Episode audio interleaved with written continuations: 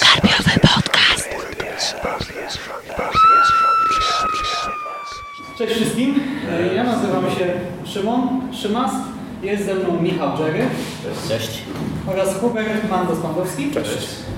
Prelekcja komiksie. Możecie się zastanawiać, dobra, ale kim są ci goście, tak? W ogóle skąd ten temat, czy po prostu nam to narzucono, czy nie? No właśnie nie. My po prostu zajmujemy się grozą od dłuższego czasu w sumie. Hubert tutaj tworzy, to właśnie założył Steven, serwis StephenKing.pl i potem jeszcze podcast radio Stephen King. Yy, Michał Jerry w sumie też prowadził przez lata bloga poświęconego właśnie nie tylko, ale w dużej mierze horrorowi, a ja założyłem 3 lata temu nawiedzony podcast, zgadnijcie o czym. Coś, coś, no. Romanse? Owoce. Kontakt owoce. Ja jesteś blogerem modowym. Tam mamy fakty laboratoryjne, tak, bo to przyjdzie jesienią. Przyszłą jesienią. No. Nie, no właśnie, nawiedzony podcast i to wszystko jakoś tak nas trochę ze sobą zespoiło. Zakologowaliśmy się i założyliśmy konglomerat podcastowy. Tutaj widzicie, słabo w sumie widać to bo ten rzutnik nie jest no ale nie jest nas trudno znaleźć. I tam nagrywamy ogólnie o popkulturze szeroko pojętej, w dużej mierze o horrorze, bo nas interesuje i też o komiksach od jakiegoś czasu. A poza tym jeszcze Carpe Noctem, my z Jerry jesteśmy w redakcji, Mando niby nie jest, a w sumie robi z tego. No i ja tam, ja, tam, ja tam w zasadzie od początku, jak ten serwis powstał, to coś tam robiłem sporadycznie, gdy było Carpe trzeba. Noctem, nazwę rozumiecie, nie? Carpe diem, Carpe Noctem. Jest to największy polski serwis o literaturze grozy, literaturze kryminalnej i thrillerach literackich, no a że komiksy, literatura, to i to na papierze, tak? to i to przeprowadzamy strony, to też to się tym zajmujemy. I dzisiaj naszym tematem jest horror w komiksie. E, Po pierwsze, no, chyba domyślacie się, że to będzie prelekcja przeglądowa, tak? że się zajmiemy po prostu omówieniem najważniejszych tytułów, ale nie chcieliśmy robić takiej bezmyślnej wyliczanki, czyli po prostu jakieś tam 30 randomowych tytułów, które znamy. Próbowaliśmy to jakoś podzielić sensownie na kategorie i mam nadzieję, że w ten sposób z tą myślą przewodnią jakoś się do nas trafi. A co do samych tytułów, to jest wybór, bo tak naprawdę od kilku lat y, przeżywamy taki boom na komiksy w Polsce. Wiecie, wcześniej komiksy kosztowały, było ich, nie wiem, 50 aktualnie w ofercie wszystkich wydawnictw, wszystkie kosztowały powyżej 100-150 zł, a potem nagle Egmont troszkę się rozwinął, mucha, zaczął powstawać wszystkie nowe wydawnictwa, teraz wiemy, że niektóre z tych nowych wydawnictw nie radzą sobie najlepiej, gdzie są żółwie ninja, ale rynek się bardzo rozwija nie? i w związku z tym mamy masę tytułów w Polsce dostępnych, wiele z tutaj przedstawimy, jest też kilka takich y, fenomenów ogólnie niedostępnych u nas, ale też ciekawych, o których Wam powiemy. No i mamy nadzieję, że w związku z tym, że będziemy mówili o najróżniejszych konwencjach też, tak? bo pamiętajcie, że mamy hybrydyzację aktualnie jako powszechne zjawisko, czyli że nie ma czegoś jak czysty horror częściej, tylko jest horror z elementami sci-fi, czasami połowa komiksu to jest y, przygodówka, druga połowa to jest właśnie horror, czy nie wiem, macie jakiś tam mystery crime, coś y, z elementami horroru. W związku z tym nie wszystkie te komiksy to będzie taki horror na pierwszy rzut oka, większość tak, ale no, każdy powinien znaleźć coś dla siebie. Życzę Wam przyjemnego odsłuchu i zaczynamy. I zaczynamy od historii na, na początek, e, ale miejmy nadzieję, że nie będzie nudno. E, Nie od takiej historii, czyli pierwszych komiksów, e, które wykorzystywały konwencję grozy, o tym za chwilę, ale zaczynamy od DC Comics, czyli takiego wydawnictwa komiksowego, które e, było odpowiedzialne za po pierwsze boom horrorowy w latach 50. w Stanach Zjednoczonych, e, a po drugie e, na skutek jego popularności doczekaliśmy się słynnego kodeksu komiksowego. A mianowicie e, w latach 50. w 54 roku e, pojawiła się książka Seduction of the Innocent, e, w której e, pan doktor, można powiedzieć, że na kart komiksów e, głównie spod szyldu EC Comics e, położył całą deprawację młodzieży. Wszystko, wszystko zło, jeżeli chodzi o młodzież, narkotyki, seks, przemoc i tak dalej, i tak. To wszystko połączył z komiksami, bezpośrednio z komiksami, co jest interesujące z dzisiejszej perspektywy, gdzie przed chwilą Tomek Strągowski e, wprost mówił o tym, że komiks to jest nisza w niszy w niszy. Tak naprawdę e, i z punktu widzenia nakładów, i z punktu widzenia popularności. No a tam jedna książka o komiksie doprowadziła do tego, że wprowadzono tak naprawdę bardzo daleko posunięte posuniętą cenzurę, czyli Który to był rok? Tak jest. 54. 54. E, wprowadzono cenzurę, że nie można było e, w złym świetle stróżów prawa pokazywać, nie można było, e, nie wiem, doprowadzić do sytuacji, że zła postać wygrywała, e, nie można było pokazywać przemocy bezpośrednio, potworów, narkotyków itd. itd. I to nie wpłynęło tylko na horror, a na cały rynek komiksowy, na rynek Tak. superbohaterski od tamtego czasu. Jeśli nie siedzicie za mocno w komiksach klasycznych, to na, na, na górze okładki pojawiał się pasek z takim znaczkiem jakby pocztowym, na którym było właśnie zatwierdzone e, do publikacji. I zaraz zobaczycie po pierwszych okładkach e, trzech sztandarowych tytułów e, ze stajni EC Comics, czyli The Vault of Horror, The Hound of Fear i najbardziej znanym tak w popkulturze opowieściach skrypty. Trzy magazyny, trzy antologie, bardzo podobne, tak jak widzicie okładki, one były też bardzo podobne treściowo, no ale one były, co tu dużo mówić, było obrazotwórcze jak na lata 50. w Stanach Zjednoczonych.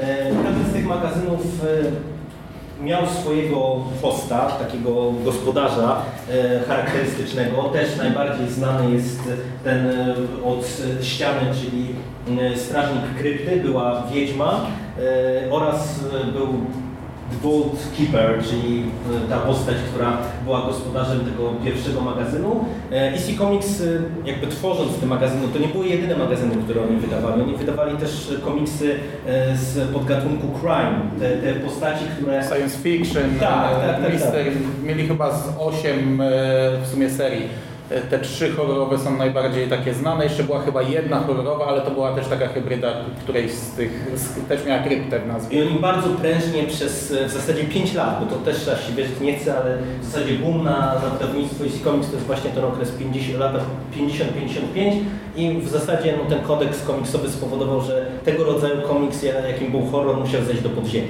E, I to się stało w zasadzie do lat 70., o czym też Wam zaraz powiem. Najpierw zanim, kliknąć dalej, E, zanim e, jakby przejdziemy właśnie do dalszych etapów historii, e, to jest kwestia tego, jak EC Comics wpłynęło na horror w komiksie jako taki.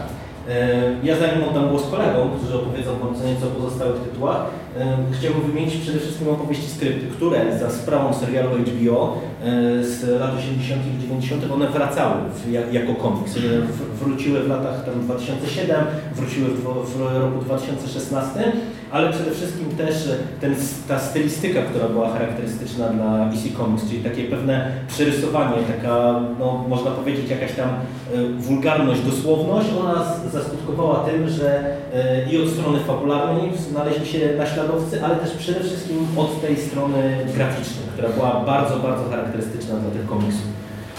Ja się w Polsce ukazały się między innymi, czy Creepshow też się ukazał, ale to jest klasyka, tak zresztą pewnie znacie chociażby film, ale taka ciekawostka opowieści grozy y, Carlos Trillo, Eduardo Vista, artyści z Argentyny.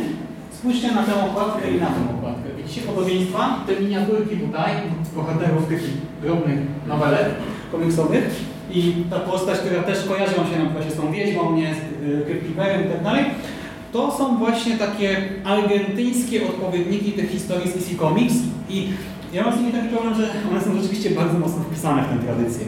To mamy opowieści o potworze Frankensteina, niewidzialnej kobiecie, szalonym naukowcu, mumii i rzeczywiście czuć ten klimat DC Comics, ale zagadnienia są tak kiczowate, że ostatecznie jednak, wiecie, macie zajawkę na te dawne komiksy, no to jest świetna rzecz, ale jeżeli po prostu sięgacie po to tak y, z przypadku bardziej, to jednak no jest trochę zbyt banalne i żenujące, ale ukazało się, że było w Polsce, więc No właśnie Creepshow robiło to troszeczkę inaczej. To jest komiks z 1982 roku, napisany teoretycznie przez Stephena Kinga, który wychował się na tych komiksach. Ludzie dorastający w latach 50. w Ameryce, dzieciaki, wychowywały się na tych komiksach i e, te komiksy bardzo mocno wpłynęły na to, co oni robili później. I to jest taki hołd dla e, komiksów EC, przy czym no, może sama okładka nie naśladuje w tak prosty sposób, ale też e, sugeruje, e, że chociażby samą czcionką, z czym mamy do czynienia.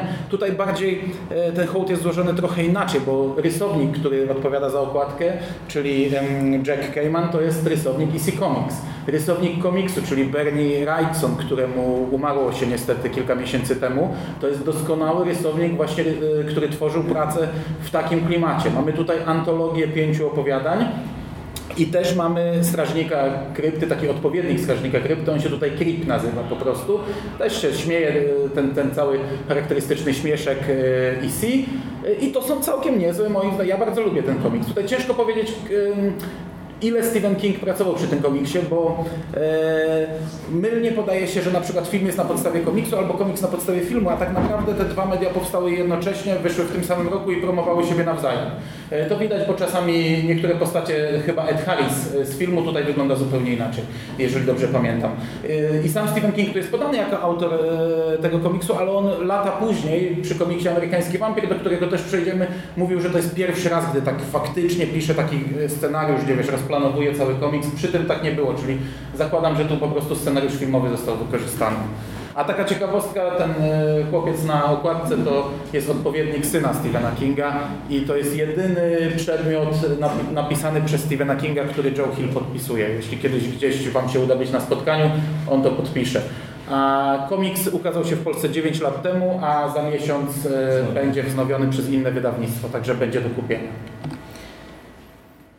I przechodząc płynnie od EC Comics, e, chcieliśmy, chcielibyśmy Wam opowiedzieć pokrótce o takiej współczesnej pulpie. No bo EC Comics e, jako wydawnictwo, no to tak jak wspominaliśmy, to były co, co do zasady proste historie, bazujące na prostych... e, Szokujące finały, nie? Ostatnie trzy kadry miały, ostatni kadr miał... Tak, no zresztą, zresztą to też, jeżeli na przykład mieliście do czynienia właśnie z serialem telewizyjnym opowieści skrypty, on jest bardzo podobny, czyli też e, często nagłość, e, często jakieś tam e, i tak dalej, i tak dalej. Te komiksy, które Wam tu pokazujemy, to nie jest tak, że to jest jakby w prosty sposób to samo, ale to są komiksy rozrywkowe, w tym sensie, że żaden z tych tytułów, które tutaj widzicie, one jakby nie, nie próbują opowiedzieć nam jakichś rozwiniętych historii, czy jakichś ambitnych opowieści. Drapieżcy, którzy byli wydani u nas bodajże z 10 lat temu, e, to jest taka, taki miks brutalnego horroru o wampirach z, z historią kryminalną. Wbrew temu, jak wygląda okładka, która jest e, na maksa seksistowska, to jest naprawdę bardzo sprawny komiks europejski, bo to też jest ciekawe, że to nie jest amerykański komiks, tylko komiks europejski. Hellboy, który jest e, no, obecnie cały czas mega popularny. E, Postać, której w zasadzie przedstawiać nie trzeba e, i mimo, że nieraz Hellboy jest uznawany, że to jest taki ważny komiks. On jest jakby ważny dla gatunku czy horroru w komiksie, no właśnie przez skalę popularności. Natomiast jakby w tej prostej warstwie fabularnej, no to można powiedzieć, że Minola, który pisał te, te scenariusze, on bardzo często bazował na prostych legendach, przetwarzał je w jakiś tam sposób. E, No i tak naprawdę no, tym wyróżnikiem była ta postać tego piekielnego chłopca, który e, gdzieś tam w tle do tego wszystkiego był, był ten e, dylemat, czy on, nie wiem, będzie zły, czy nie będzie zły, no jednak jest synem piekła tak naprawdę. Zwir, który ja nawet nie wiem, czy to w Polsce ten komiks się doczekał z swojego polskiego wydania. Jeden z tych komiksów, które też są uznawane właśnie za dosyć istotne, jeżeli chodzi o ten taki palpowy, rozrywkowy komiks, często e, bazujący na jakichś takich prostych historiach z potworami, odwołujący się do stylistyki lat 40., lat 50., też całkiem, całkiem interesująca rzecz. I tak jak powiedziałem, że cofniemy się jeszcze trochę do tej takiej historii, do pierwszych początków w ogóle, jeżeli chodzi o horror w komiksie. E, I to było bardzo szybko. E, W tym sensie, że jak się pojawiły tylko komiksy, jak się pojawiły e, komiksy superbohaterskie, e, to już w latach 30. e, mieliśmy pierwsze tego rodzaju motywy. Na tym kadrze widzicie postać doktora, doktora Okulta, który był, żeby was nie skłamać, tak, 35 rok pojawiła się ta postać w komiksie i cały czas zresztą ta postać jest wykorzystywana przez wydawnictwo DC Comics. E, I Batman, jakby wiadomo, że to, to jest jedna z tych ikonicznych postaci, ale też jakby pierwszy taki wyraźnie horrorowy e, motyw e, już pojawił się jeszcze w 1939 roku. Był Batman w takiej ikonicznej z tamtego okresu historii walczy z czerwonym mnichem. A mówimy o, o tych początkach w tym miejscu, dlatego że ten horror w komiksie superbohaterskim jest i był dosyć ważny, był dosyć ważny historycznie od samego początku, ale on też jakby przechodził pewne fazy. To co wspominaliśmy, że kodeks e, komiksowy zabił, można powiedzieć, horror w komiksie na e, blisko 15 lat, e, to znalazło jakby swój oddźwięk w latach 70. W zasadzie lata 55-71 to jest martwy okres, jeżeli cho- chodzi o ten taki mainstreamowy komiks. W 71 złagodzono ten e, kodeks komiksowy. Między innymi to się sprowadzało do tego, że można było zacząć wykorzystywać te tak zwane klasyczne potwory.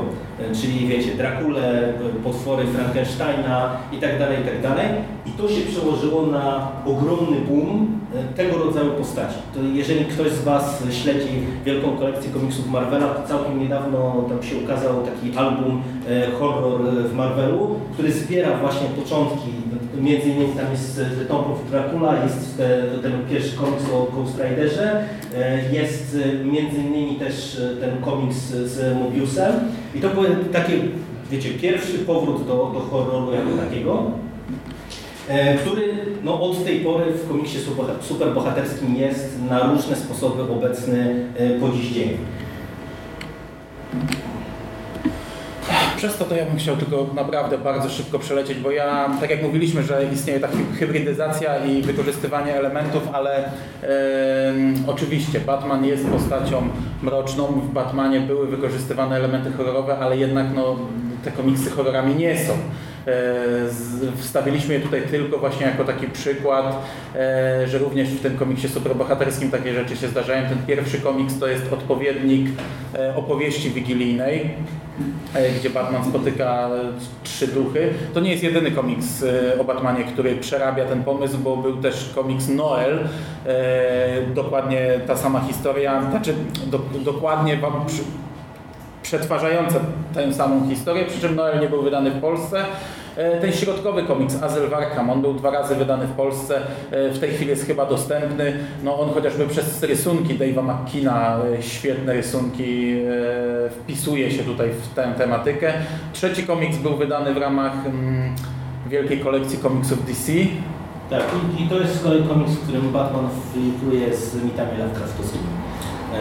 Jak wykorzystano, wykorzystano te klasyczne potwory z, znane z mitologii Cthulhu, które sprowadzają zagałady na wodę tytułową. To, to jest w ogóle sprawne jakoś, Batman i Cthulhu? Tak, jest jak najbardziej. To, to, jest, to jest naprawdę sprawny, sprawny komiks. e, Tym bardziej, że tutaj akurat jest e, kreska e, Mike'a Mignoli, którego możecie znać i kojarzyć z Hellboya i to jest naprawdę też porządna. No te wszystkie porządna trzy to są bardzo dobre komiksy. Ten pierwszy to jest przecież e, Love i Sale i to też jest bardzo dobry komiks, no tylko że on z horrorem tak naprawdę ma niewiele wspólnego. Myślę, że jeszcze warto wspomnieć Jokera, Briana Azarella.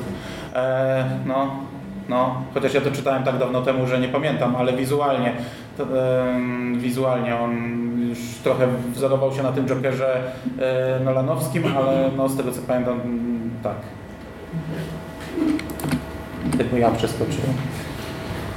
No i tutaj jeszcze e, właśnie kontynuując ten wątek superbohaterski, e, dwie, dwie, dwa kadry, jeden z potworem z bagien, to jest też komiks, który nie jest jakby sam sensu stricte horrorem, natomiast potwór z bagien to jest jed- jedna z tych ikonicznych postaci, jeżeli chodzi o horror komiksowy. E, I, no, można powiedzieć, że on tu musiał się znaleźć na, w tej naszej prezentacji, tym bardziej, że ta ewolucja potwora z bagien od lat 70. do teraz cały czas ta postać jest istotna właśnie w uniwersum e, swoim komiksowym. No i Marvel Zombies, czyli flirt e, Roberta Kirkmana e, od, od The Walking Dead e, w, właśnie z em, komiksem. E, To jest akurat miniseria, która też była dostępna w ramach tej wielkiej kolekcji komiksów Marvela. E, Przede wszystkim ona zasłynęła tym, że mm, tutaj e, rysownicy przetwarzali słynne komiksowe okładki właśnie na tą stylistykę zombie. To, co tutaj możecie sobie e, zobaczyć na, na przykładzie e, okładki z, ze Spider-Manem. E, Komiks też całkiem, całkiem sprawny i on jest już w sumie dosyć mocno horrorowy. E, I też e, akurat ten, ta koncepcja Marvel Zombies ona na tyle chwyciła, że to się później dosyć mocno rozprzestrzeniło.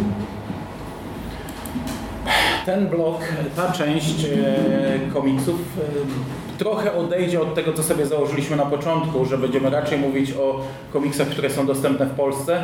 Tutaj większość będzie niedostępnych w Polsce, ale ja tylko przez nie postaram się taki zrobić szybki przegląd, że coś takiego powstało. E, Przez ostatnie dni siedziałem w tych komiksach dość mocno i no to w większości nie są dobre rzeczy. E, ale e, pierwsza część tutaj, pierwsze dwa slajdy to są e, te takie ikoniczne, horrorowe postaci e, z filmów, czyli Freddy, Jason, e, Letterface i Ash z Evil Dead. I o nich powstawało całkiem sporo komiksów, przy czym w większości były to one-shoty albo dwuzeszytówki.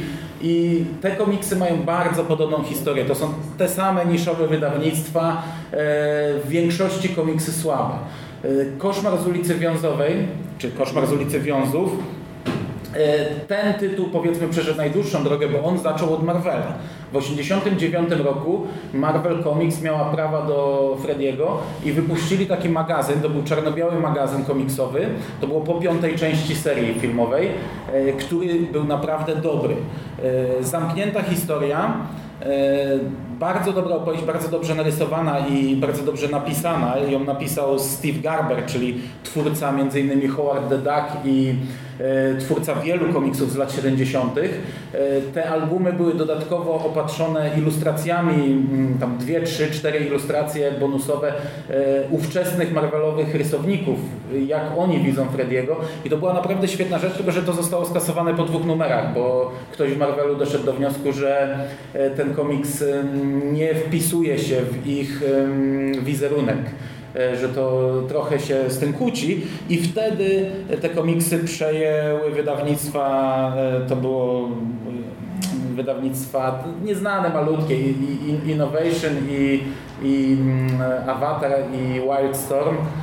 E, I oni wydawali komiksy mm, zarówno jakoś wpisujące się w ten time, timeline filmowy, e, czyli na przykład była jedna seria, która rozgrywa się między piątą a szóstą częścią, e, zarówno adaptacje, chociaż adaptacja mm, e, najprawdopodobniej, jeżeli się nie mylę, nie została dopisana do końca. Miało być czterozeszytówka i wydawnictwo padło, wydało tylko dwa zeszyty. Czyli to są takie historie komiksowe e, oraz takie komiksy kompletnie gdzieś tam oderwane oraz oczywiście e, te wszystkie crossovery Freddy versus Jason versus Ash versus Leatherface. Tego powstawało też na pęczki. Mm. Piątek 13 miał tę trudniejszą e, drogę, taką o tyle trudniejszą drogę, że Jest słabym filmem. nie, to Bredzisz, od tego zacznijmy. E, Jest świetnym filmem i tak do piątej części, przynajmniej do czwartej jest, e, jest super, ale wiesz, Freddy może ci sam zapełnić komiks. Freddy to jest taka postać, że on może w zasadzie prowadzić narrację komiksową i, i, i bawić, a Jason nie. Jason to jest taka postać, która wpada, wyżyna maczetą nastolatki czy, czy jakieś, jakieś kobiety i, yy, i tyle, nie? I tam nie masz też yy, w, w serii yy, Piątek 13 nie było postaci tych dobrych, jakichś mm, charakterystycznych. Okej, był Tommy, którego grał Corey Feldman w czwartej części, ba- bardzo fajny aktor z tamtego okresu i Tommy jeszcze potem był w starszej wersji w piątej i szóstej części, ale to nadal nie jest taka postać, która może pociągnąć, a tutaj mieliśmy chociażby Nancy Thompson, która może pociągnąć taki komiks i tak naprawdę o Freddym nie powstało w zasadzie nic ciekawego, to też są o Jasonie. To są też, te komiksy były późno wydawane. Pierwszy chyba był w 2006 yy, i mniej więcej do 2009, 2007, jakoś tak kilka lat tylko były wydawane, jako mm, takie ciekawostki, które wczoraj, po prostu czy przedwczoraj, jak, jak o tym sobie czytałem, mi trochę rozwaliły głowę, powstał crossover yy, Jason versus Jason X, Czyli Jason bije się z Jasonem. Ten, jak ktoś oglądał Jason X, to on się rozgrywa akcja, to jest dziesiąta część w kosmosie, gdzie mamy zupełnie innego Jasona i dwóch Jasonów tam ze sobą walczy. I jest też taki komiks, który w ogóle mnie przeorał, e, Pamela's Tale. To jest historia opowiedziana przez matkę Jasona i tam mamy autentycznie scenę na całą stronę porodu Jasona, widzianą pod różnymi kątami kamery. Oczywiście nie widzimy centrum, ale na przykład jest kadr komiksowy, gdzie są nogi Pameli i jej głowa widziana, gdzie ona widzi tego Jasona wychodzącego. E, absolutnie przerażająca rzecz. E, jak to zobaczyłem, to, to już miałem dość. O Letterface nie powstało dużo rzeczy i tutaj nawet ciężko coś wyróżnić. To jest też chyba taki problem, że postać charakterystyczna, ale ona sama nie pociągnie komiksu, a w teksańskiej masakrze w ogóle nie było e, tych bohaterów drugich, które by coś mogły reprezentować. Tu mamy takie komiksy, które e, mają jakiś fajny pomysł. Na przykład jest cała seria, gdzie e, jest autobus e, dziewczęcego chóru kościelnego z dwoma nauczycielkami, które spotykają Letterface'a, no i dalej już wiadomo jak to się rozgrywa, zresztą każdy komiks jest na tej zasadzie. E, Większość, które powstały to bardziej bazowały na remake'u z 2003 chyba roku.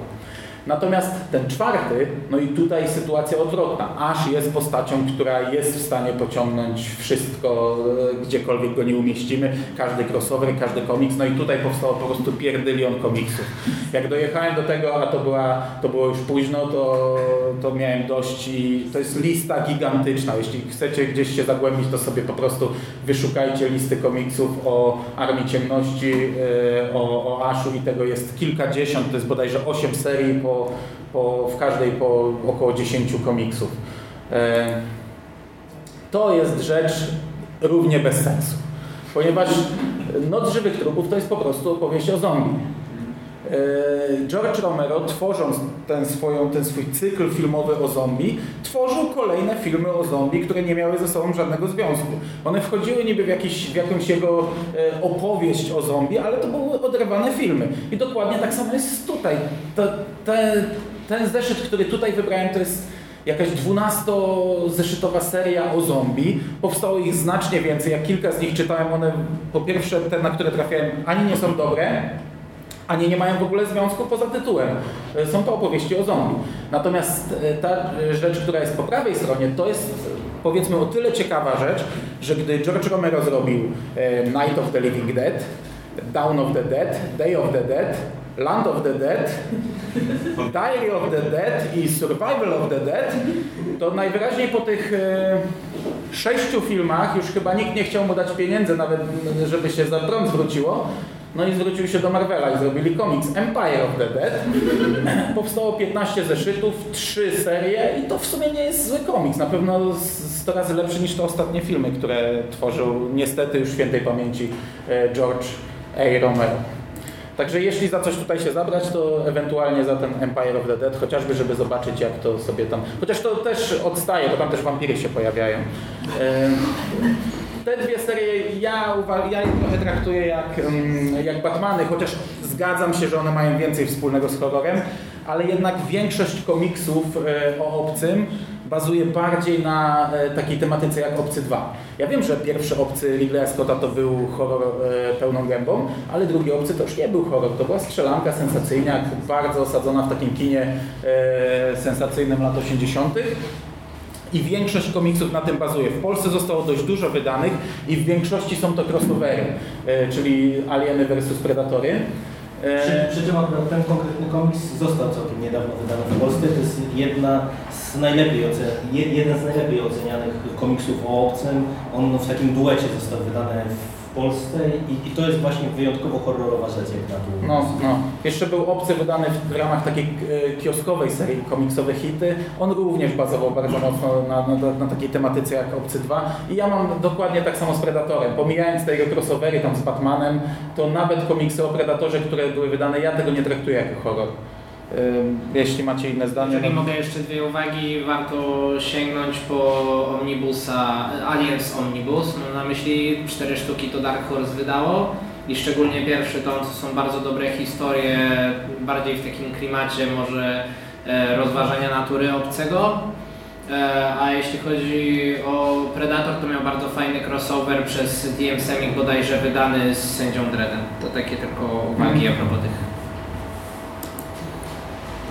No i tutaj mamy też jakby dwa, e, dwa filmy, które niekoniecznie są kojarzone z e, horrorem. E, Jak nie są kojarzone? z Znaczy nie są, nie są, nie są kojarzone z horrorem, w, nie są kojarzone z komiksowym horrorem, to się Ten Hellraiser, który tutaj jest obecny, w Polsce były wydane tak naprawdę dwa zestawy one-shotów w ramach obrazów grozy. E, całkiem niezłych. To, to są, jeżeli lubi się Hellraisera, to to są naprawdę całkiem fajne antologie, tym bardziej, że one są ró- różnorodne i fabularne i graficznie. Tam w pierwszym tomie mamy tak różnorodnych twórców jak Neil Gaiman, na przykład e, obecne siostry, siostry Wachowskie, e, no to jest pe- pełne spektrum, pełne spektrum autorów. To są naprawdę często bardzo fajne historie i, i ciekawie narysowane. Przy czym to, co tutaj widać, to za Hellraisera e, wrócił do niego Parker, jeżeli chodzi o, o komiks. E, I Boom Comics od e, bodajże 2011 roku e, kontynuuje serię. W tej chwili zamknęli się na 20, na 20 zeszytach, dosłownie teraz we wrześniu wychodzi omnibus właśnie Hellraisera, który jest bardzo dobrze przyjętą serią, która sporo miesza jakby w, całym, całej mitologii te, tej, tej serii. E, A Boom Comics na tyle chyba jest zadowolone właśnie ze sprzedaży tego tytułu, że oni też kontynuują Hellraisera, Hellraisera także w ramach innych serii. E, No i Trick and Treat To wybraliśmy e, jako przedstawiciel mm, czegoś, co jest dość popularne w zasadzie od lat, czyli takiej e, obudowania filmu, takiej reklamy w pewnym sensie filmu, a że my jesteśmy chyba we trzech wielkimi fanami tego filmu, bo to jest naprawdę świetny horror e, halloweenowy. Zbliża się Halloween e, i to jest pierwsza propozycja, jaką bym dał każdemu na Halloween. Bardzo komiksowa, to jest antologia, ale bardzo nietypowa antologia, gdzie te historie dzieją, dzieją się w ramach jednego świata, jednego miasteczka i tam cztery czy pięć historii przecinają się. To nie jest opowiedziane tak jak w klasycznych opowieściach. w tej chwili-. W tej chwili mówię o filmie, nie o komiksie. Czyli nie ma segmentów, tylko to wszystko się przeplata, jest bajecznie kolorowe, jest fajnie. E, To zrobił Michael e, Dougherty, który jest między innymi też reżyserem Krampusa. On chyba w X-Menach dwójce no, to jest scenariusz. scenariusz. Tak, a po polsku Upiorna Noc Halloween. To było w Polsce wydane. Natomiast komiks jest, jest w pewnym sensie sequelem. To jest też taka antologia komiksowa, e, w pewnym sensie sequelem filmu. Ma coś z film- z filmem wspólnego? Bo był tak samo tytuł przetłumaczony. Tak, tak, tak, tak, nie, no to... No to ta jest- postać sama, chociażby to był ten tutaj główny taki e, szkodnik w tym filmie. Z workiem na głowie, trochę jak w, jak się nazywał, Sierociniec ten film, nie? Czy, Tak. Simon. Jak hiszpański, tak? Ale ja tego porównałem, to zupełnie co innego, nie? Po prostu on jest no, po prostu podobny do niego. I. Sam film świetny, a e, to jest przykład po prostu komiksów e, dobudowanych jakoś do filmu. I teraz zmieniamy medium, bo mamy też przejścia od literatury do komiksu. Po waszej lewej stronie widzicie Jestem legendą, to też zostało wydane w Polsce. Wtedy nakład nie był za duży, wszystko się wyprzedało. Teraz można to dostać tylko na Allegro praktycznie i to astronomicznych cenach. Sam cały czas nie kupiłem własnego egzemplarza, bo czasami to naprawdę są takie kwoty, że ma się ochotę znaleźć tego sprzedającego i go udusić. Ale no, na pewno kojarzycie oryginał, tak? albo chociaż ekranizację. Richard Matheson, bardzo dobry pisarz, jeżeli chodzi o literaturę grozy, Jestem legendą. Ekranizacja ta nowsza z Willem Smithem. Człowiek, który stworzył w pewnym sensie naprawdę odpowiada za e, bardzo dużo, bo on e, dużo e, stoi za chociażby strefą No i Zombie!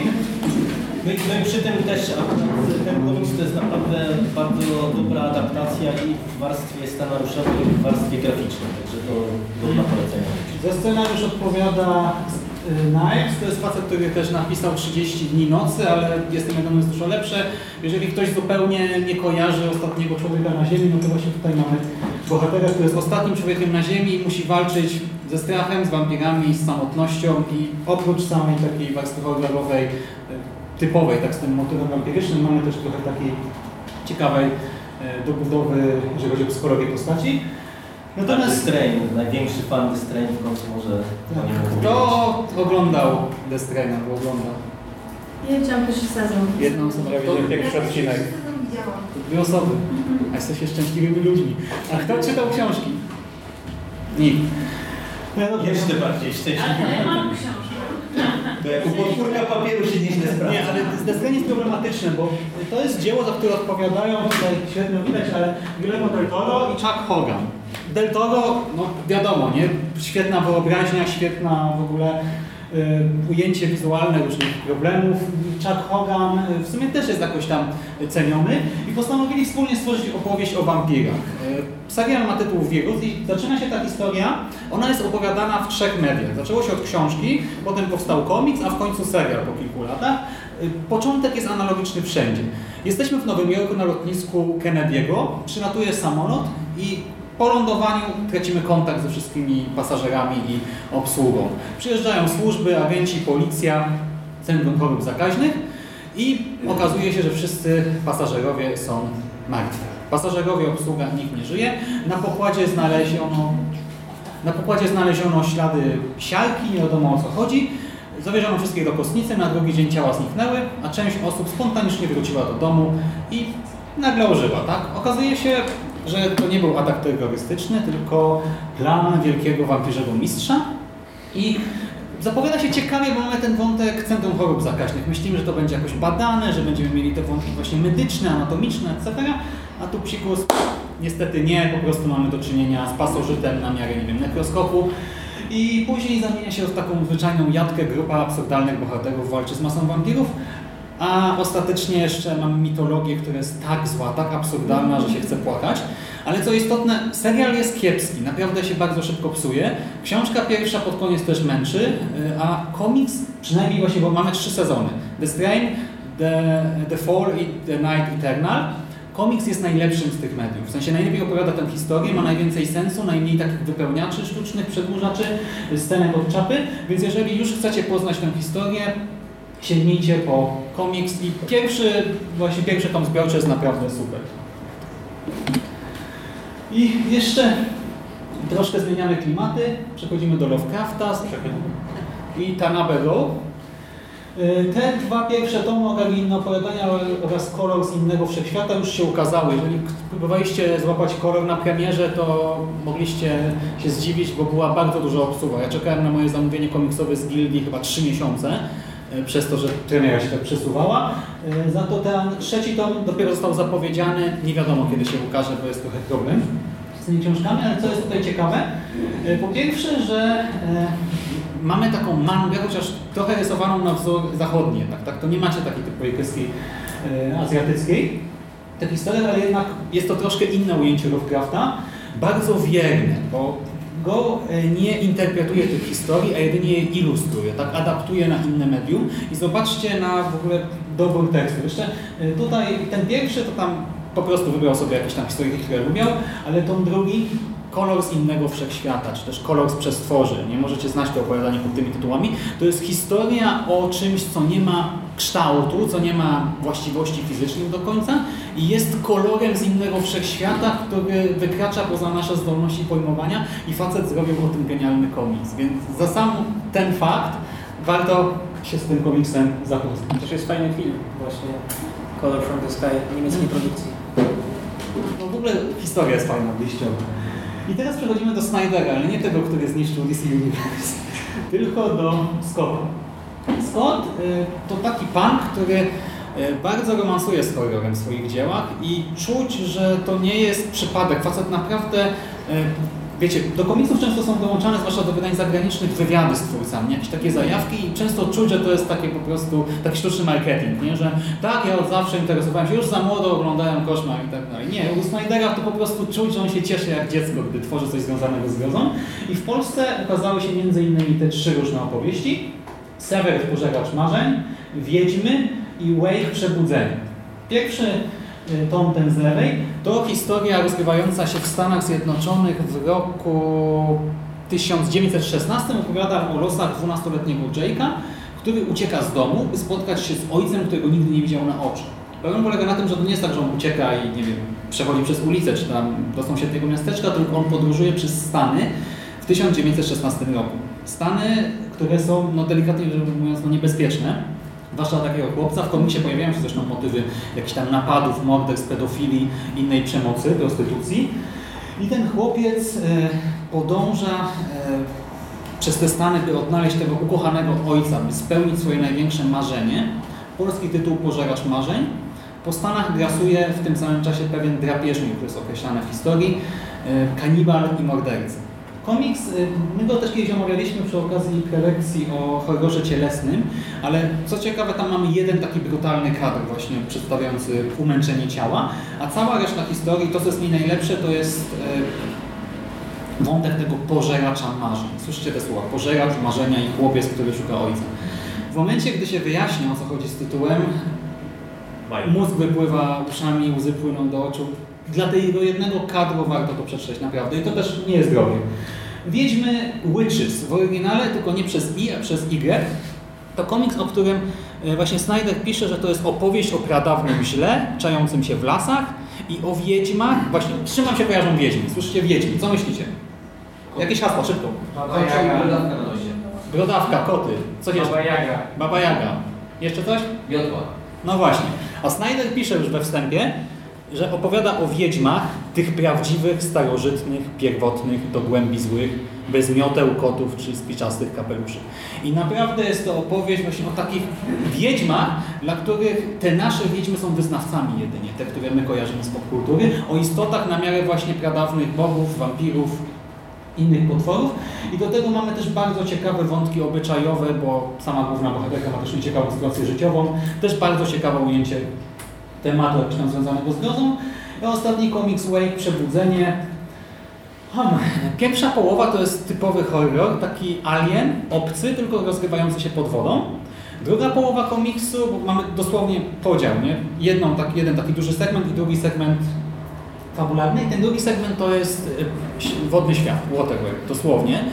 Y, Ale pomimo tego i tak fani horroru powinni po to sięgnąć, bo to powiedzcie mi, ile znacie horrorów o apokalipsie z trytonami? No właśnie, więc chociażby przez to, że to jest tak oryginalne dzieło, warto je poznać.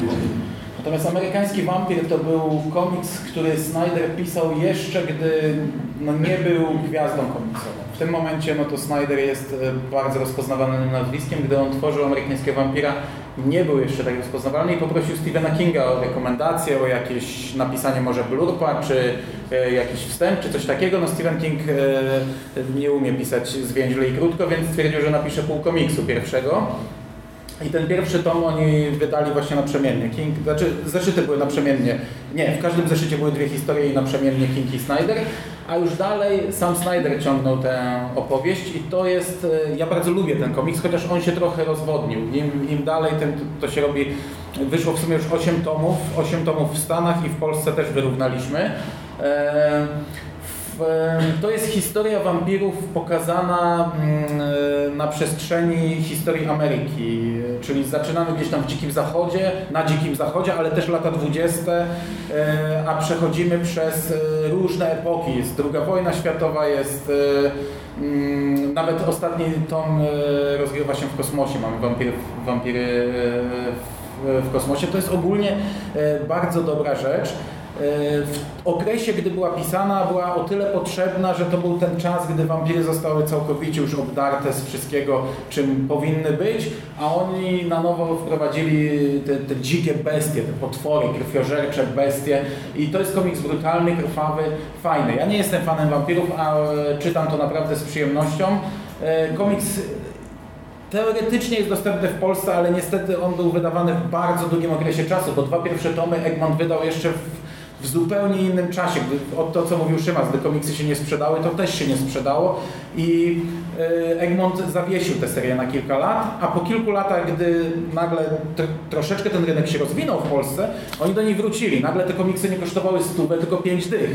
Pierwszy tom został wznowiony, drugi nie, bo jeszcze był gigantyczny nakład y, po, po tamtym czasie i ten drugi był cały czas tak samo drogi, a w tym momencie ten drugi już się wyprzedał i on jest chyba już teraz nie do ustania. Przy tym też e, warto wspomnieć przy tym komiksie, że on jest świetnie narysowany. To, ta drapieżność wampirów tutaj jest e, kapitalnie rozgrywana przez rysowników, a no jak rozmawiamy o komiksie, czyli medium też wizualnym, to jest e, świetna rzecz. A rysowników mamy mnóstwo, bo co jakiś czas, tutaj widzicie, jest drugi cykl. Pierwszy cykl został w pewnym sensie jakoś zakończony, potem była przerwa w Stanach, to nie było wydawane i została wydana antologia, gdzie są króciutkie historyjki robione przez różnych rysowników. I to się czyta po prostu po kilka stron. Nie wiem, czy e, czytaliście kiedyś, jak ten Semik wydawał Batman Black and White, to ja, dla mnie to jest taki komiks, który w dzieciństwie po prostu pochłaniałem. Gdy nie było internetu, to ja, to była dla mnie kompendium wiedzy o rysownikach. I, I tutaj jest coś takiego e, bardzo, bardzo podobnego. Tych rysowników było mnóstwo. Widzieliśmy wizję tego świata narysowaną przez bardzo wiele osób. I wracamy do tematów. e, Teraz przechodzimy do mangi. To pierwsze mogłoby się znaleźć równie dobrze w poprzednim dziale, czyli z Tak. książki do komiksu. Battle Royale też jest adaptacją powieści, powieści, która miała kiepską dystrybucję ogólnie na świecie, w związku z tym poza Azją nie jest praktycznie znana. Ktoś, nie wiem, lubi tutaj, czytał, oglądał Igrzyska Śmierci? Ktoś grał w H1Z1 albo jak to się nazywa, Player Unknowns e, Battlegrounds. Właśnie, gdyby nie Battle Royale, to wszystko by nie powstało tak naprawdę. Nawet oskarżano e, Susan Collins o plagiat w tym kontekście, gdyż Battle Royale to jest pierwsza taka historia, która wrzuca grupę ludzi na zamknięty teren i z tych ludzi zmusza się do walki ze sobą na śmierć i życie i ostatnia są dzieci, osoba... dzieci, Tak. uczniowie trzeciej klasy, są na wyspie i muszą ze sobą walczyć. Mają założone obroże i co jakiś czas e, obszary są niebezpieczne, oni nie mogą się schować, muszą opuszczać te obszary, inaczej obroża wybuchnie. Mają trzy dni na zabicie siebie i to są przyjaciele z dzieciństwa, przyjaciele z klas, miłości, którzy muszą się pozabijać. E, Bo tylko jedna osoba może przeżyć, musi przeżyć, tak? Bo inaczej wszyscy zginą. Poznajemy to na takiej zasadzie, że tam jest mnóstwo retrospekcji. Yy, Te, te tomy są wypełnione historiami, także zanim zobaczymy śmierć danej postaci, to w zasadzie poznajemy całą jej historię. A to taka wyczerówka się z tego robi? Właśnie nie, bo o to chodzi, że na Bardziej na ciebie to jest ciężko opisać, ale już w pierwszym tomie nim w ogóle bohaterowie wybiegną i, i zobaczą jak wygląda pole bitwy, co mają do dyspozycji, w jaki sposób mogą walczyć, nim te pierwsze jakieś tam przyjaźnie, agresje zostaną nam pokazane, to już sam przyjazd uczniów i spotkanie z osobą, która tym zarządza, yy, jest szokiem. Tam mamy twist za twistem. Okazuje się, że ci ludzie, którzy to organizują, są tak bezwzględni, że po prostu mogą kogoś odstrzelić tak po prostu teraz, co im zależy. I przez to napięcie już w pierwszym tomie jest tak wysokie, że nim oni wejdą, to już macie ochotę, naprawdę, jak ktoś ma słabszą psychikę, to pewnie nie przeczyta, bo y, ludzie cierpią, tak? I to nie ma właśnie w wampirach, że można sobie wytłumaczyć, że o wampir, tak wampiry nie istnieją. Nie, tutaj mamy złych ludzi i ludzi zmuszanych do złych rzeczy. Powstały dwie ekranizacje, drugiej ja cały czas nie widziałem, podobno jest koszmarna. Pierwsza jest niezła. Ja 10 lat byłem nauczycielem, bardzo lubiłem ją oglądać czasami tak po pracy sobie. Jak się, chociaż akurat nauczyciel ginie w niej pierwszy, także jako przykład. I druga manga Death Note też no klasyk. Ostatnio mieliśmy film od Wingarda, przy czym niektórzy twierdzą, że to jest celowy pastisz, umówmy się, e, no nie, to jest po prostu beznadziejny film. Za to manga jest genialna i tutaj ktoś mógł powiedzieć, że to nie jest czysty horror, tak? bo to jest bardziej mystery, detective, crime, e, tego typu historia. To, są, to jest seinen oczywiście i to jest istotne, no to jest jednak opowieść o bogach śmierci i o mężczyźnie, znaczy o młodym człowieku, który zabijając właśnie setki, tysiące osób, staje się Bogiem w społeczeństwie i wprawdzie główna oś fabularna to jest starcie dwóch geniuszy, ale jednak takie motywy jakoś tam kojarzone z horrorem są też bardzo obecne na pierwszym planie. Idąc dalej, te dwa poprzednie tytuły mają po kilkanaście tomów, już nie pamiętam detali, ale no jak ktoś chce... 15-12. Ktoś chce w to wejść, no tak, bo ty kupujesz teraz. No stoi trochę tego na półce, nie? I jak ktoś chce to, w to wejść, to tak sobie myśli, nie, 12 tomów może mi się nie spodoba, bez sensu, nie? No to jak ktoś chce coś nastawić... Niestety Battle Royale, bo pytaliście, czy to obyczajówka, to jest niestety już niedostępne. Y, Kilka ostatnich tomów jest wyprzedanych, ja nie kupiłem ostatnich pięciu i po prostu cholera mnie bierze, bo nie wiem skąd to, skąd to wziąć. Są 10 na półce, końcówka jest nie do dostania. Trzeba mieć dobrych znajomych, którzy mają wszystko.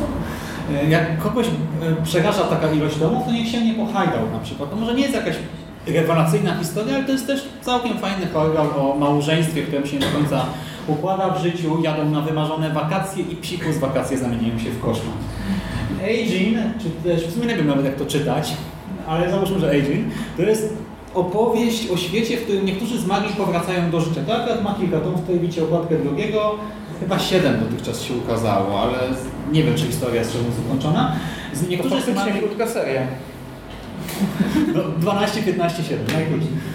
I tutaj niektórzy zmarli prowadzają do życia jako właśnie Aginowie, jako nieludzie, nadludzie, takie dziwne lekko humanoidalne istoty.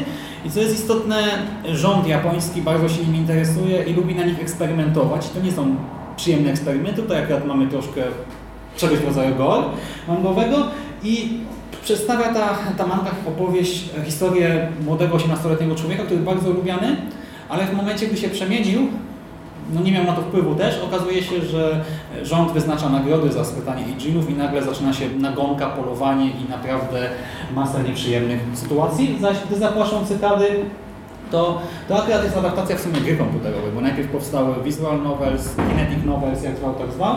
I tutaj trafiamy na, do wioski Hinamizawy i poznajemy losy chłopca, y, który wpada w towarzystwo dziewczyn, y, w ogóle mam niedostatek chłopców w tej szkole i tak naprawdę zaczyna się taka typowa haremówka, ale potem się okazuje, że dziewczyny i w ogóle mieszkańcy wioski mają sporo sekretów i takich bardzo nieprzyjemnych tajemnic i zaczyna się robić krwawo i nieprzyjemnie i wpadamy w taki klimat jak Elfenlied na przykład. Więc jeżeli ktoś lubił Elfenlied, zapłacą cykady, musi ograć i przeczytać. I na koniec Junji Ito w tym bloku, czyli bóg japońskiego mangowego horroru. Kiedyś takim królem e, horroru w mandze był Kazuo Umezu, ale zestarzał się pan. I jego następcą jest e, Junji Ito. W Polsce jest wydawany przez JPF w dwóch seriach. Wielka manga i kolekcja horrorów Junjiego Ito, ale to wszystko jest tak naprawdę groza. Po prostu kolekcja horrorów to jest nazwa międzynarodowa pewnego cyklu, jego mang, a wielka manga to jest seria po prostu JPF-u, gdzie wydają wielkie i rozmiarowo i treściowo wartościowo mangi. No i takie przykłady, no Uzumaki, najbardziej klasyczna opowieść o mieście, które dotyka klątwa spirali. To znaczy autor dostrzega wszędzie spirale i mieszkańcy mają psychozę na punkcie spirali, obsesję i ta spirala pojawia się w różnych dziwnych sytuacjach i to też jest bardzo cielesne, w sensie tam ludzie, ludzkie ciała się skręcają i tak dalej. W Gio mamy opowieść między innymi o rybkach, którym nóżki wyrastają, które wydzielają dziwny zapach. Podtytuł polski to jest Zapach śmierci i co ciekawe, tak jak tam mieliśmy u Tanabe y, kolor, komiksie, który nie istnieje, tak nie ma barwy, właśnie w komiksie czarno-białym, tylko tam pierwsze cztery strony są kolorowe i wyszła świetna manga, tak samo tutaj mamy opowieść o zapachu morderczym w gruncie rzeczy i też to wygląda niesamowicie. I wszystkie te historie y, w Tomi i tam kilku innych y, tomach mamy krótkie nowelki. Tak? Niektóre są słabsze, niektóre gorsze, niektóre są słabsze, niektóre lepsze, ale Uzumaki i Giono naprawdę każdy powinien poznać i tam też, tak jak Tanabe jest subtelny raczej, tak pokazuje szaleństwo i strach, ale nie przekracza pewnych granic, tak Junji to nie zna tabu. To nie jest tak, że epatuje przemocą, ale jak chce pokazać na przykład, że klątwa spirali dotyka kobiety w ciąży, to to robi i to w taki sposób, że zatrzymujecie się na kadrze szczena w dół i musicie zamknąć mangę, zrobić spacer po domu i dopiero czytacie dalej. I je, jeszcze będziemy wracać do Tematu tego autora w dniu jutrzejszym na naszej prezentacji. Myślę, że jeszcze warto odnośnie Junji'ego Ito powiedzieć, że to jest e, często kosmiczny horror. W takim sensie Lovecraft- Lovecraftowym. I na przykład właśnie Uzumaki to jest taka klasyczna opowieść no, o tym, że coś nieznanego zaczyna działać na nasze życie. Długie serie. E, I tutaj Robert Kirkman na sam początek. Ja mm, Outcast, z Outcast zaczynałem czytać. Chciałem przeczytać przed serialem, a ostatecznie ani komiksu, ani serialu nie udało mi się obejrzeć. Natomiast The Walking Dead e, czytałem do pewnego momentu. Założenia tej serii na samym początku bardzo mi się podobały, czyli tworzenie tak naprawdę telenoweli w świecie zombie bez żadnego pomysłu na koniec, tworzącej, tworzącej się na bieżąco, ale e, to u mnie też w pewnym momencie się wypaliło, bo teraz już jest chyba 26 tomów, jeżeli się nie mylę, tego komiksu. Ja doczytałem do 17, do setnego zeszytu, e, czy tam 102 i od kilku lat mam blokadę. Te, e, muszę przyznać, że The Walking Dead skutecznie, zarówno książki, serial, jak i e, komiksy zabiły u mnie trochę miłość do zombie, bo po prostu przesyt uszami aż wychodziło. E, Ale ten komiks był niezły. Ja pamiętam, że jak czytałem ósmy tom, to e, nie przypominam sobie, żebym tak doświadczał komiks, że po prostu siedziałem, przewracałem stronę po stronie i słyszałem swój oddech, jak się robi coraz szybszy i na jednym kadrze to byłem naprawdę autentycznie zszokowany. E, Bardzo źle się czułem po tym i fizycznie, i psychicznie, naprawdę przetyrał mi głowę. Nie pamiętam, czy jakiś komiks e, tak na mnie oddziaływał, a tutaj się udało w jednym, w jednym tomie, dlatego za to chociażby tę serię lubię. E, Tutaj mamy kolejne dwa, dwa tytuły, które w Polsce się pojawiły, przy czym Ra- Rachel Rising to tak właśnie a propos, gdzie moje No czekamy, czekamy. Pytanie, Niestety najpierw pytanie, żółwie. ta seria y, w, w ogóle jakby będzie miała kontynuację. Niestety to jest ostatnie w kolejce, nie? Tak, a, a to jest e, bardzo fajna seria siedmiotomowa Terego Mura, która jest e, też czarno-białym komiksem, mówię też no, nawiązując do The Walking Dead. M, Zapowiada się bardzo interesująco. Tutaj punktem wyjścia fabuły jest tajemnicze zmartw- zmartwychwstanie głównej bohaterki i, to można powiedzieć e, z, z, dalej jest kontynuowane, jaka tajemnica za tym zmartwychwstaniem stoi. E, Hrabstwo Harrow to jest komiks, który przede wszystkim zasługuje na uwagę od strony wizualnej. E, Teoretycznie to jest prosta opowieść, też gdzieś w oku wiedźmy, wiedźmy się Znaczy w pierwszym tomie, ale jest bardzo ciekawa mitologia, którą miejmy nadzieję poznamy. Malowana jest to doskonale malowana. Słuchajcie, przelećmy już, bo Ty masz za chwilę prelekcję, także już teraz dosłownie tylko pokażmy. I z e, Key, y, ja jestem absolutnym fanem. Wszyscy Uwielbiam jesteśmy. komiks. I Zamknięta Polsce. seria napisana przez syna Stephena Kinga, doskonale narysowana, chociaż to może na początku się gryźć, bo to są bardzo kartunowe rysunki, ale komiks jest po prostu doskonały. Niedługo wyjdzie serial, e, polecamy komiks. E, Absolutne klasyki. Jak ktoś tego nie ma w domu na półce, a się interesuje komiksem, to naprawdę. I dwie ciekawostki tutaj, The Frankenstein Womb. E, Przede wszystkim bardzo ciekawie zilustrowana przez e, polskiego komiksiarza historia Warrena. E, Bardzo fajna, takie nawiązanie do klasycznego Frankensteina i Thomas Mons, świetne miniaturki, to też było kilka tomów jego dzieł wydawane w Polsce. Też dwa takie specyficzne komiksy, klatki Dave'a McKeana, czyli tego od a, Arkham Asylum. Bardzo specyficzna rzecz, bardziej podchodząca pod world fiction, czasem kojarzona gdzieś z kawką. Wampir, tak naprawdę to jest ciekawostka, bo to jest jedna z tych rzeczy, które wykorzystują ten horrorowy entourage, taki bardzo klasyczny e, wizerunek wampira do opowiedzenia nieco innej historii w ramach ciekawostki. No i co, dzięki za to, że byliście z nami. Zapraszamy na Karpę Noctem przede wszystkim i na Konglo znajdziecie też wszystkie odcinki nawiązanego podcastu, więc jeżeli interesuje Was horror, filmy, gry, komiksy, cokolwiek, to wpadajcie. I też my jeszcze będziemy tutaj dziś i jutro, za chwilę opowiadano o Ricku i a jutro o literackim horrorze dla wybrednych, o potwora i będzie jeszcze konkurs filmowej grozy o 15, więc jak macie chwilę i ochotę, to zapraszamy. Miłego wieczoru. Dzięki. Mówimy sobie zdjęcie i kuleczki.